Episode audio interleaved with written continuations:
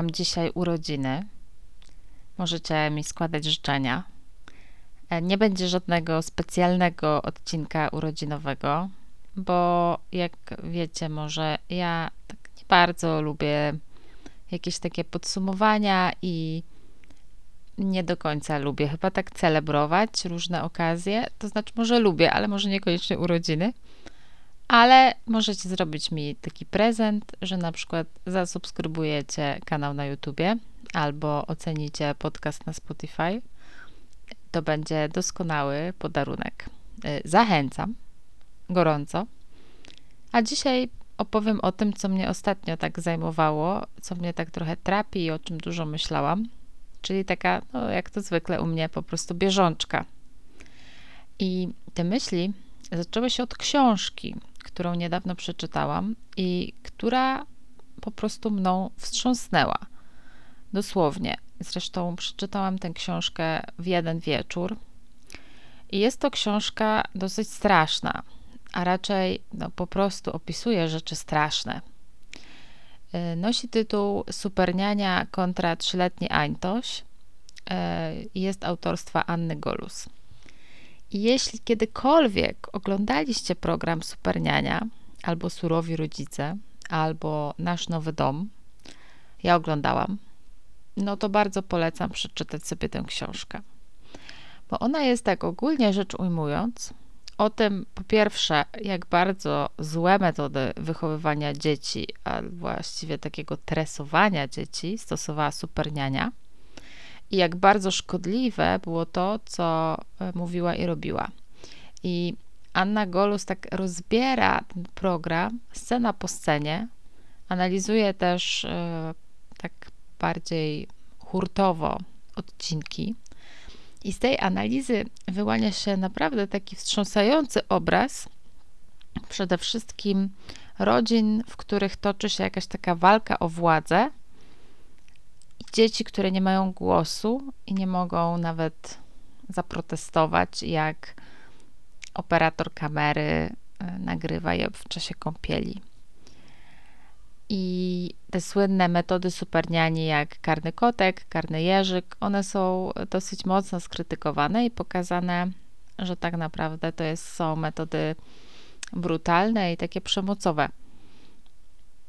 I myślę, że też nie jest to książka tylko dla osób, które mają dzieci, bo pokazuje też, jaką wodę z mózgu robi nam telewizja i w ogóle media, i jak bardzo trzeba uważać na to, co się ogląda i co też na przykład oglądają nasze dzieci. Ale jest też w tej książce wątek, który jest trochę wątkiem pobocznym, bliżej końca, ale to on mi też dał tak bardzo dużo do myślenia. I jest to wątek takiego nieposzanowania prywatności i godności dzieci tylko dlatego, że są dziećmi. Dlatego, że autorka rozmawiała też z kilkorgiem bohaterów, którzy dzisiaj są już dorośli i którzy pamiętają, jak ekipy telewizyjne odwiedzały ich w domu. Łącznie w programie Superniania wzięło udział 31 rodzin i niektóre właśnie z tych dzieci, które były kilkulatkami, kilkanaście lat temu, no już dzisiaj dorosłe mogą się wypowiedzieć.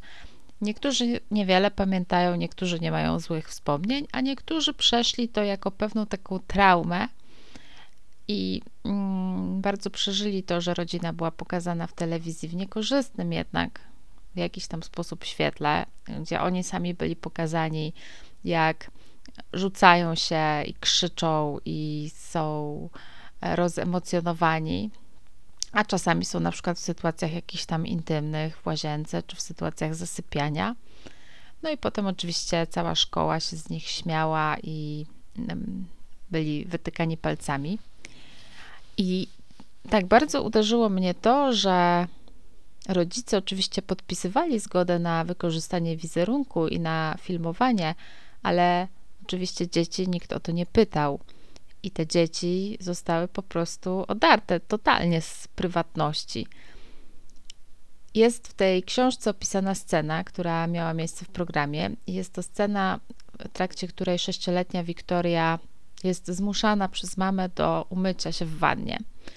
I to trwa bardzo długo, bo ona nie chce, żeby jej nałożyć tam szampon na włosy. Krzyczy, płacze, drze się, I w tym wszystkim stoi obok superniania i operator kamery. No tutaj jak trudno się dziwić, że dziecko się nie może uspokoić. Albo dzieci, które no, nie potrafią zasnąć w pokoju, w którym oprócz nich jest właśnie jeszcze na przykład kamera. I pomyślałam sobie, że to jest takie okrutne, że wystawiło się te dzieci tak na widok publiczny i że w cudzysłowie cała Polska mogła je po prostu zobaczyć, a potem sobie pomyślałam, że przecież dzisiaj jest to coś normalnego, bo bardzo wiele osób wrzuca do sieci zdjęcia swoich dzieci, filmiki. Niektóre robią wielką furorę na TikToku czy na Instagramie.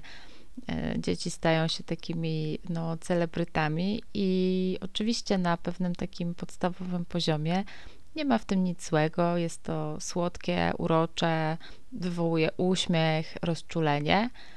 Ale jestem ciekawa, co tak naprawdę te dzieci, których rodzice już uprawiali tak zwany sharenting, czyli dzielenie się swoją rodzicielską drogą w mediach społecznościowych, co oni i one tak sobie będą za kilka lat myśleć i jak będą do tego podchodzić.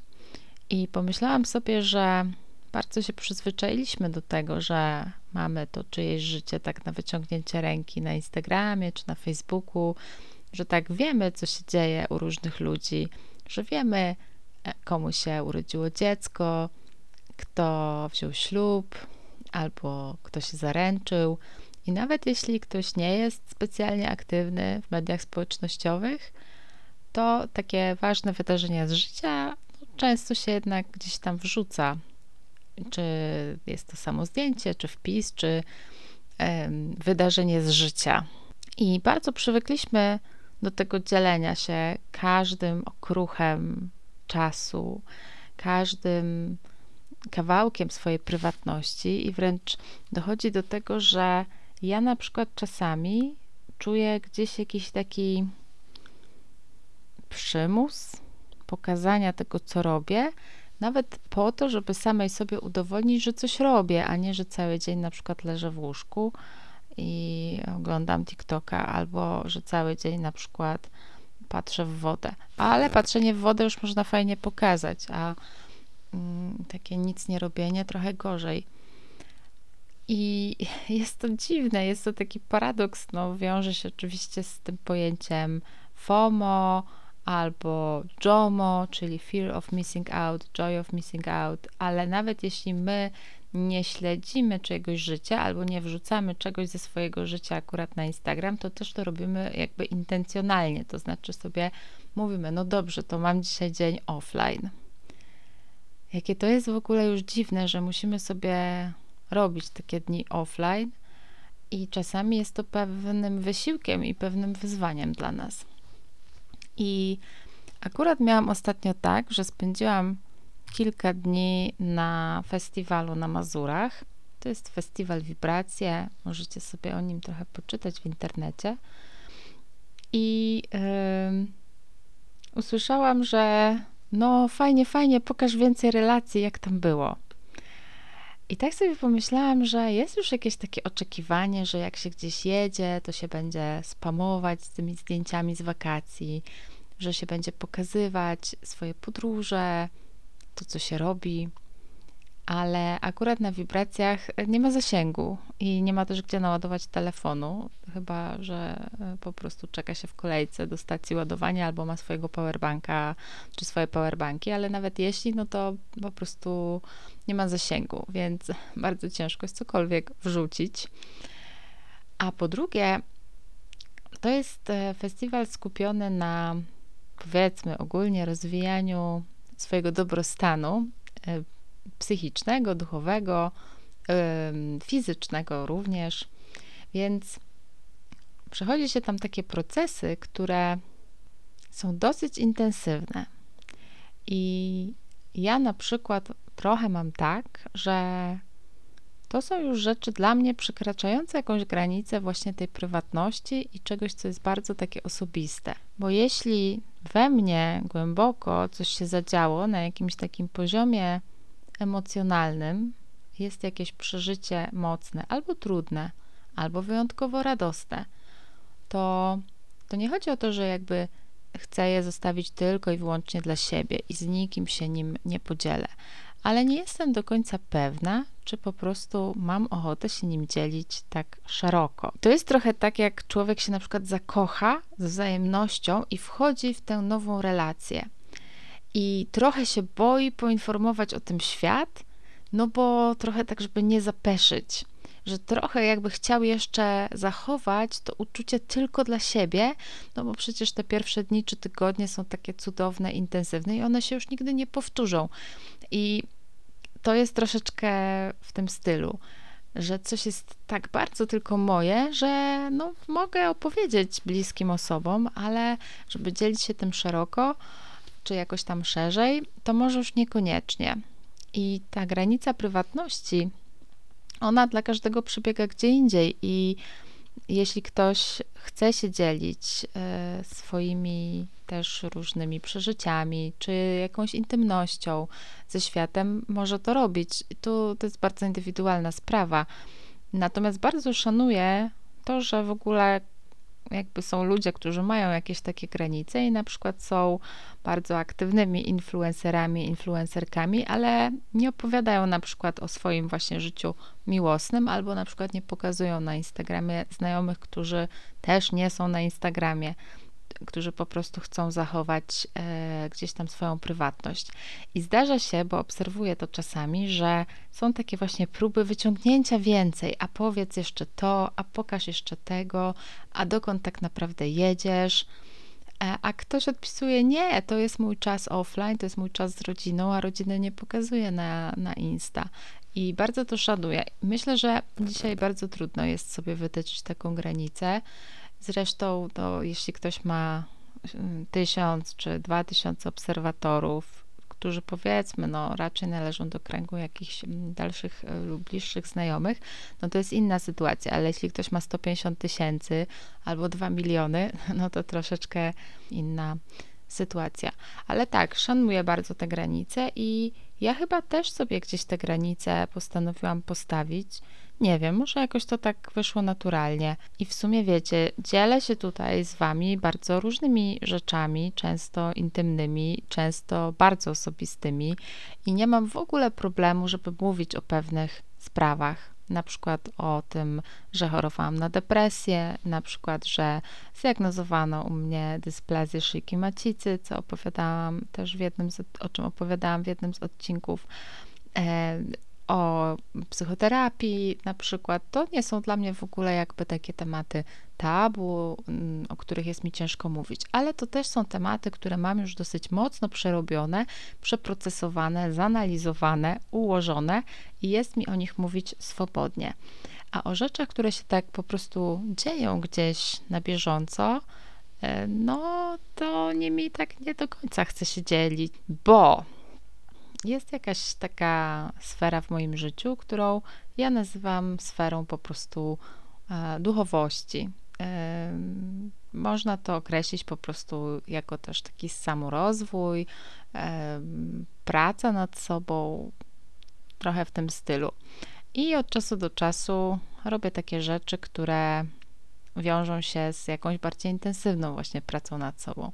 Chodzę na różne warsztaty, albo dużo czytam na jakiś tam temat, albo dużo słucham podcastów, albo dużo na ten temat rozmawiam, albo robię jakieś takie rytuały, które mogą się na pierwszy rzut oka komuś wydać dziwne. No i yy, to jest chyba właśnie ta moja bardzo osobista sfera i to jest ta moja prywatność. Zresztą, no zobaczcie, no też jest tak, że przecież nie wszystko pokazujemy. Pokazujemy raczej te rzeczy takie, które są super w naszym życiu, z których jesteśmy dumni, którymi się chcemy pochwalić. A jak jest źle, albo jak po prostu naszą codziennością, nie wiem, są brudne gary i e, nie wiem, pies, który ma biegunkę, no to może już niekoniecznie się trzeba tym dzielić. Więc trochę żyjemy jednak w takiej poczuciu, mm, tak, ten słynny Instagram kontra rzeczywistość, jak to bardzo do siebie nie przystaje i trochę jest tym prawdy. A z drugiej strony, no ja też zauważyłam, że jak u mnie gdzieś się dzieje ogólnie gorzej, jak jest mi w życiu gorzej i jak jestem ogólnie gdzieś w jakimś znowu procesie mm, trudnych rozmów albo mm, jakiegoś kryzysu, to nie do końca mam ochotę się tym dzielić. I może z tego to też wynika. Wiem, że mamy duży taki trend na pokazywanie tak zwanej normalności, na normalizację różnych zjawisk, ale wydaje mi się, że jednak radosnymi momentami jest się e, nam łatwiej po prostu dzielić niż tymi trudnymi. I dlatego właśnie, nawet jeśli jesteśmy bardzo nie facebookowi, bardzo nie social mediowi, to lubimy jednak wstawić to zdjęcie z wesela czy z ślubu, e, żeby inni zobaczyli, trochę poinformować świat. Nie jest to niczym nowym, no kiedyś to było w gazetach, a dzisiaj jest na Facebooku. Jeśli ktoś był w jakiejś śmietance towarzyskiej, to gazety o tym pisały, a dzisiaj nie musimy być w żadnej śmietance, możemy się sami pochwalić. No a z drugiej strony też jest tak, że jakby właśnie te radosne momenty często chcemy, żeby też inni jakoś z nami przeżywali, świętowali jakieś sukcesy. Czy jest to obrona magisterki, czy awans w pracy, czy zmiana pracy, czy narodziny dziecka, czy adopcja pieska ze schroniska. A przy tych takich e, trudniejszych momentach, no to jakby co? Czym się tu mamy dzielić? I trudne wydarzenia są traktowane jako jednak bardziej prywatne, a z drugiej strony, po tej drugiej stronie jest jakieś takie domaganie się, żeby tych informacji było więcej. No bo wiecie, no to jest naturalne, że nas ciekawi, jak u kogoś jest źle, coś się złego stało w życiu, nie wiem, jest jakaś choroba, czy wypadek, czy no najłatwiej to po prostu widać na przykładzie mediów, i tego, co się najbardziej klika, czyli jak umrze znana i młoda i piękna osoba i co się potem dzieje i w tradycyjnych mediach i w mediach społecznościowych. No jakby łakniemy tych informacji i chcemy wiedzieć po prostu dalej wszystko, e, co się stało. Ale mimo to wydaje mi się, że fajnie mieć coś takiego, co jest po prostu tylko dla ciebie i tylko twoje i nawet nikt o tym nie wie. Trochę jak ta gra, w którą czasami się gra na jakichś e, takich zapoznawczych imprezach, czyli powiedz jedną rzecz o sobie, o której niewiele osób wie.